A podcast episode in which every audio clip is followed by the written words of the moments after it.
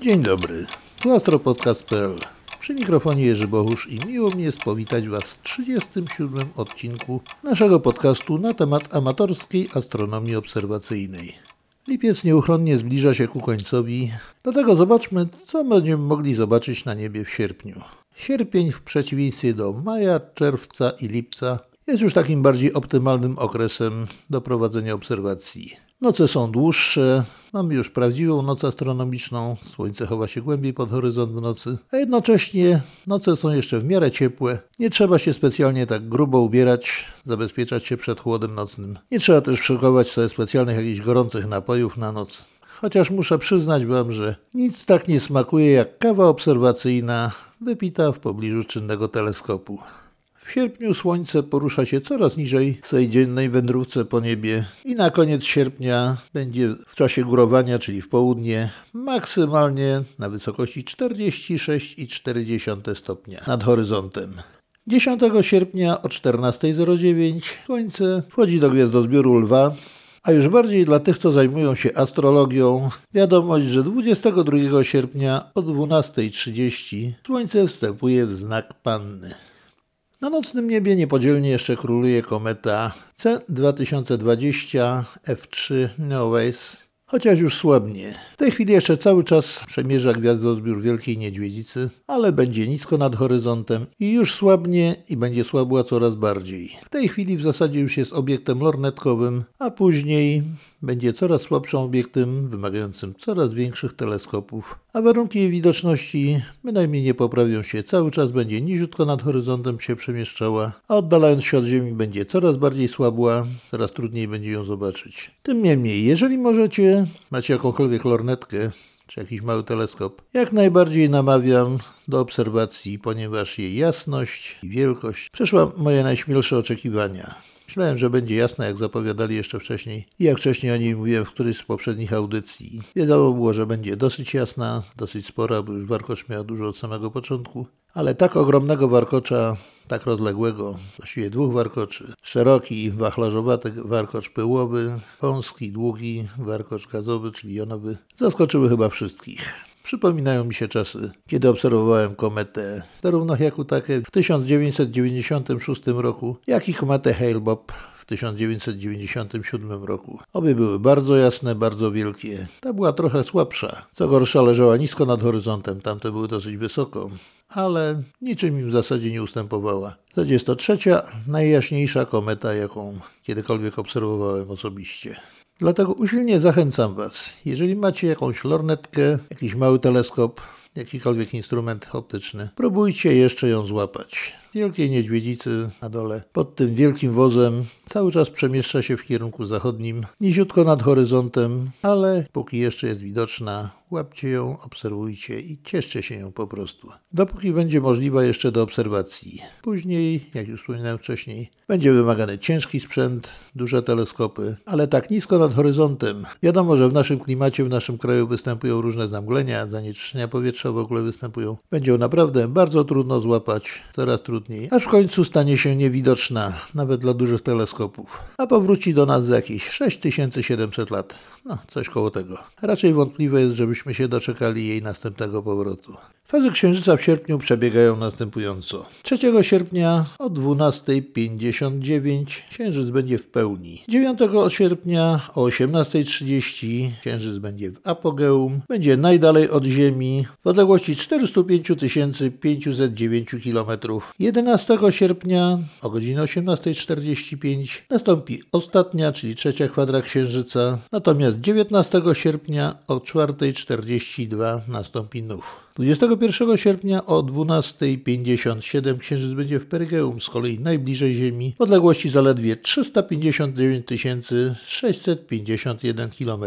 A 25 sierpnia o 19.58 będziemy mieli pierwszą kwadrę Księżyca, do czego jeszcze później wrócimy. W sierpniu bez większych przeszkód będą widoczne na niebie prawie wszystkie planety, z wyjątkiem Merkurego. Merkury 17 sierpnia o 17.07 będzie w koniunkcji górnej ze Słońcem. To znaczy będzie nieomalże schowany za Słońcem, będzie, będzie po przeciwnej stronie Słońca niż Ziemia. Praktycznie będzie niewidoczny, chociaż średnica jego tarczy będzie wynosiła około 5 sekund kątowych i będzie dosyć jasny, ale utonie w blasku Słońca i niestety nie będziemy mogli go obserwować. Natomiast 19 sierpnia o godzinie 6.01 nastąpi koniunkcja Merkurego z Księżycem. Ale Księżyc też będzie w pobliżu Nowiu, więc i tak i tak tego zjawiska nie będziemy mogli obserwować. Natomiast doskonale będzie widoczna Wenus. 13 sierpnia osiągnie maksymalną elongację wynoszącą 45,8 stopnia, czyli będzie najdalej oddalona od Słońca właśnie o ten kąt. W tej chwili jeszcze kątowo oddala się od Słońca, coraz wolniej, nieznacznie. 13 sierpnia właśnie zatrzyma się i będzie wracała z powrotem w pobliże Słońca. W tej chwili na początku miesiąca średnica tarczy planety będzie miała 27,2 sekundy, a na koniec miesiąca zaledwie 19,5 sekundy. W momencie elongacji w teleskopie Wenus powinna być widoczna jako takie półkole terminatorem prostym. W tej chwili terminator jeszcze jest wklęsły, Potem będzie się robił coraz bardziej wypukły, coraz bardziej będzie się zbliżał do kształtu koła, ale zarówno jasność, jak i rozmiary kątowe planety będą coraz mniejsze, po prostu coraz bardziej będzie się od nas oddalała. 15 sierpnia o 16.32 nastąpi koniunkcja Księżyca i Wenus. Księżyc minie Wenus w odległości 3,3 stopnia. Coraz lepiej także będzie widoczny Mars. Jego średnica systematycznie rośnie. Na początku miesiąca będzie miała 14,6 sekundy kątowej, a pod koniec sierpnia będzie już wynosiła 18,9 sekundy kątowej. 9 sierpnia o godzinie 10.35 nastąpi bardzo bliska koniunkcja Marsa z Księżycem, który minie go w odległości zaledwie 41 minut kątowych, czyli niecały stopień. Nieco więcej niż średnica księżycowa. Będzie to bardzo widowiskowe zjawisko. Jeżeli ktoś będzie mógł to obserwować, chociaż to będzie za dnia, więc trudno będzie raczej zaobserwować to to. Natomiast w nocy, zarówno w poprzedniej nocy, jak i następnej, Księżyc będzie stosunkowo blisko Marsa i warto, na ile się uda, oczywiście na ile pozwoli pogoda, jak Księżyc będzie się zbliżał do Marsa, a następnie minie go i będzie się oddalał. Doskonale widoczne też są zarówno Jowisz, jak i Saturn. Już w zasadzie po opozycji średnice ich tarcz maleją. I tak Jowisz w tej chwili ma około 48 sekund kątowych, a księżyc minie go 2 sierpnia o godzinie 1.55 w odległości zaledwie 1,5 stopnia, czyli też będzie to bliska koniunkcja. Oczywiście możemy obserwować nie tylko jak księżyc mija Jowisza ponieważ Jowisz bardzo dużo oferuje nam pod względem obserwacyjnym. Możemy obserwować pasy chmur na Jowiszu, czasami dosyć szybko zmieniające się. No i oczywiście główna atrakcja Jowisza. Cztery galileuszowe księżyce, które zmieniają swoje położenie, zwłaszcza te bliższe niemalże z chwili na chwilę. Możemy sobie prześledzić zarówno zmiany ich konfiguracji, jak też chowanie się za tarczą Jowisza albo przechodzenie przed tarczą Jowisza, zarówno księżyców, jak i ich cieni w postaci czarnych punktów przemieszczają się po tarczy króla planet. Średnica globu Saturna wynosi jedynie 16 sekund kątowych. No wiadomo, jest odrobinę mniejszy od Jowisza i leży dużo, dużo dalej. Jak każdy wie, główną atrakcją Saturna są jego pierścienie. No, warto się im przyjrzeć. Jeżeli ktoś dysponuje większym teleskopem, spróbujcie zobaczyć przerwę Cassiniego. Jeżeli ktoś już zdecydowanie większym teleskopem dysponuje, powyżej 10-15 cm albo większym, może także spróbować zaobserwować przerwę Enkego w układzie pierścieni Saturna. Przerwa Cassiniego w pierścieniach jest widoczna w zasadzie przez każdy teleskop już o średnicy powyżej 6-8 cm. 2 sierpnia o 15.59 Księżyc minie Saturna w odległości 2,3 stopnia. Tak samo nieźle są widoczne Uran i, Neptun. Uran w tej chwili ma średnicę kątową około 3,6 sekundy kątowej, czyli bardzo niewielką, a Księżyc minie go 11 sierpnia 23 minuty po północy. W dużej odległości po 4,2 stopnia. Natomiast Neptun jest jeszcze dalej, więc jeszcze mniejszy. Jego średnica kątowa ma zaledwie 2,4 sekundy, więc jest bardzo malutki, a 6 sierpnia o 20.12 księżyc go mnie też w odległości 4 stopni kątowych. Jak widzicie, Dwa mniejsze z tych gazowych olbrzymów, dalej leżące od nas, będą widoczne w teleskopach, zwłaszcza większych, w postaci małych tarczek niebiesko-zielonkawego koloru. I raczej nie należy liczyć na to, że jakieś szczegóły się na nich zobaczy, chyba że ktoś dysponuje naprawdę bardzo wielkim teleskopem. Powyżej 30 40 cm albo większym, a warunki będą idealne i atmosfera będzie bardzo spokojna, czyli seeing będzie doskonały nieomalże 10 na 10. To się rzadko zdarza, często tylko raz do roku albo i rzadziej, ale jeżeli się uda, spróbujcie, może coś dostrzeżecie. Chociaż szanse na to są bardzo znikome. Z jaśniejszych planetoid 28 sierpnia o 22.48 nastąpi opozycja planetoidy oznaczonej numerem 20 i nazwanej Massalia.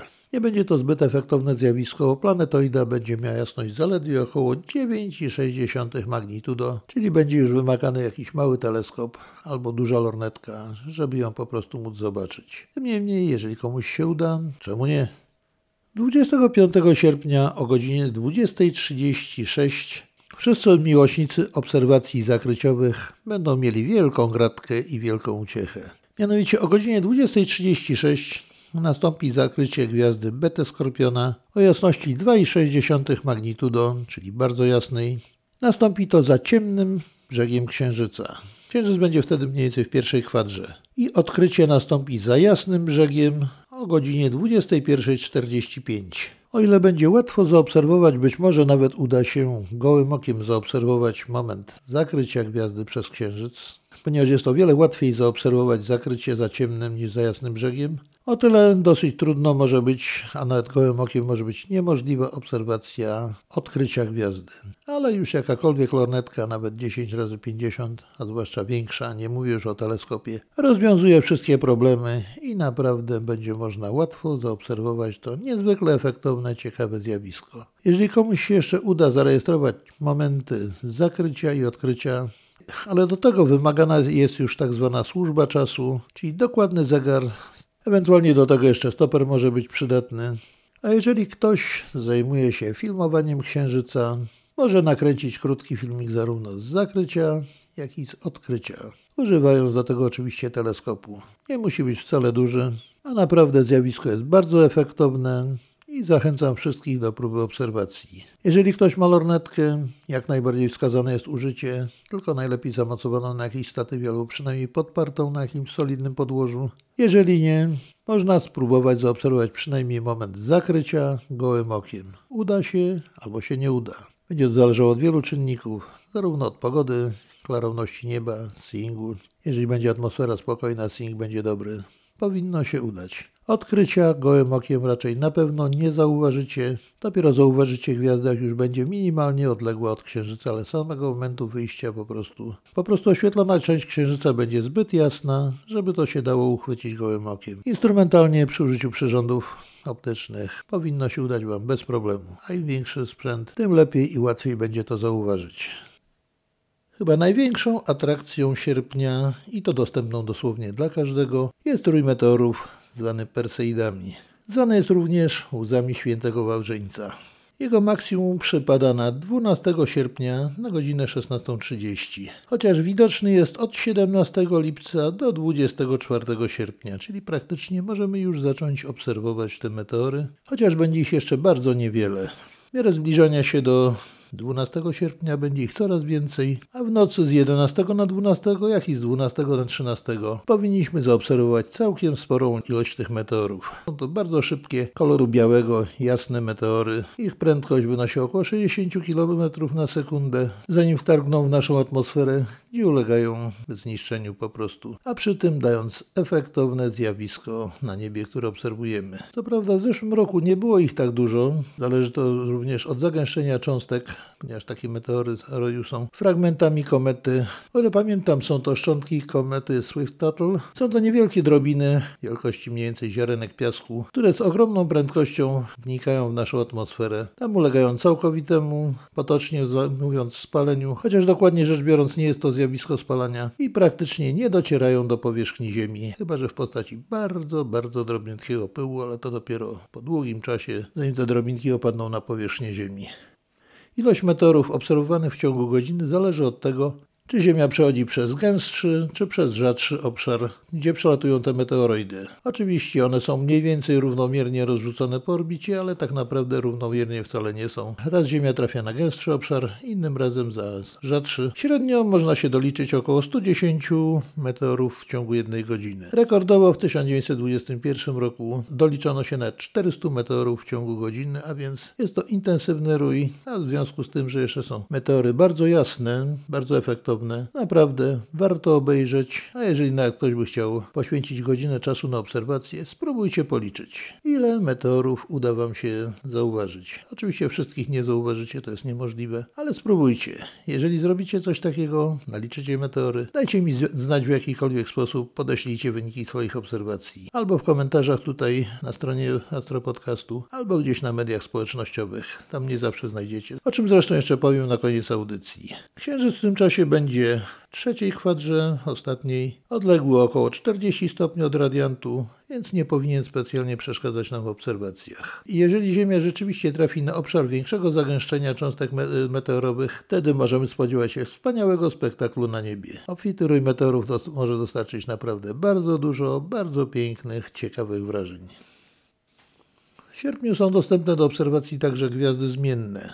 I to gwiazdy zmienne dostępne do obserwacji gołym okiem. Pierwsza z nich to jest beta Perseusza.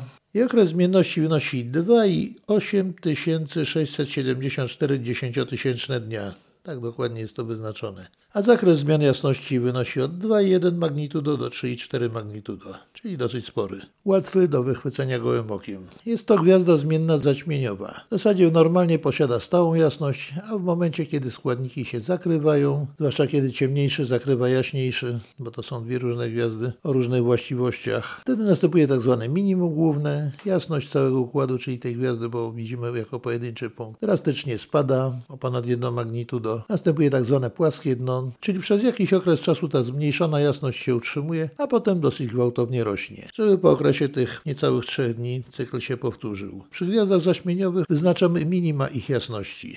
I tak pierwsze minimum w sierpniu przypadnie 2 sierpnia o godzinie 1.47, następnie 4 sierpnia o 22.36, 22 sierpnia o 3.33, 25 sierpnia o godzinie 0.22 i 27 o godzinie 21.11. To są naprawdę łatwe do obserwacji gwiazdy. Już młody Anglik Goodrake wiele, wiele lat temu po raz pierwszy obserwował te gwiazdy, kiedy jeszcze nie była znana ich natura i stwierdził właśnie, że pociemnienie tych gwiazd, spadek jasności spowodowany jest właśnie zakryciami jednej gwiazdy przez drugą. Jeżeli się takich obserwacji zbierze więcej, pomiarów jasności się wykona więcej, można narysować wykres zmiany jasności. Przypomina to takie troszeczkę wiaderko, doniczkę taką głęboką, ale to już dla tych, co bardziej obeznani są z, z obserwacjami gwiazd zmiennych. W każdym razie gwiazda jest dostępna bardzo łatwo do obserwacji gołym okiem i można po prostu próbować w odpowiednim momencie zauważyć spadek jej jasności i wzrost.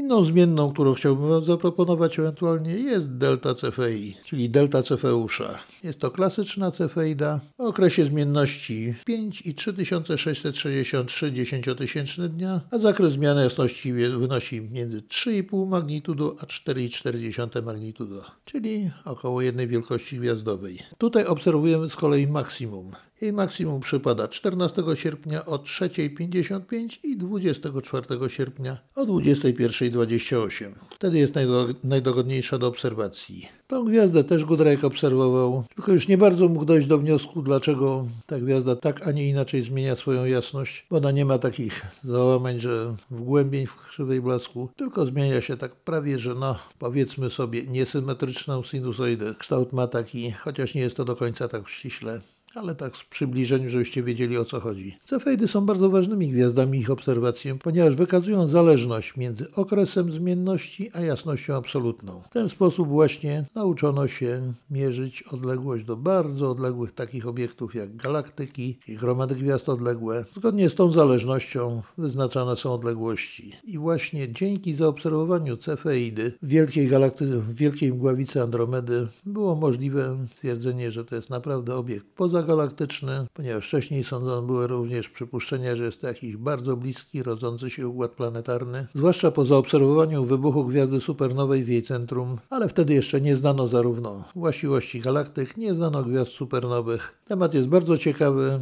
bardzo wiele rzeczy się tam wtedy wydarzyło, nie tylko na niebie, ale i w nauce. Także poświęcimy sobie kiedyś na to jeszcze osobną zupełnie audycję. W każdym razie zapamiętajmy, że cefeidy to są takimi słupami milowymi we wszechświecie i według nich bardzo prosto i stosunkowo dokładnie można oznaczyć, wyznaczyć odległości naprawdę bardzo odległych obiektów we wszechświecie. Wystarczy, że zaobserwujemy w nich cefeidy i w łatwy sposób będziemy mogli z tego wyliczyć, jaka jest odległość. Oprócz tego chciałbym jeszcze Wam ewentualnie zaproponować obserwację dwóch jasnych miryt, czyli gwiazd zmiennych długookresowych, których charakterystyk zmian jasności jest podobny do cefeit, tylko że amplituda jasno- zmian jasności jest bardzo duża, wynosi nawet do 9, a chyba w jednym przypadku nawet do 10 magnitudo, czyli jest olbrzymie, olbrzymi zakres zmian jasności, a okres ich zmienności jest powyżej 100 dni. Tak naprawdę średnio waha się około roku, między 200 a 400 dni. Średnio właśnie tak około około roku się waha ich okres zmienności. Obserwujemy tutaj też, wyznaczamy moment maksimów i proponuję Wam do obserwacji gwiazdę R Wolarza. Maksimum będzie miała jasność 7,23 magnitudo, a to ma nastąpić zgodnie z efemerydami 6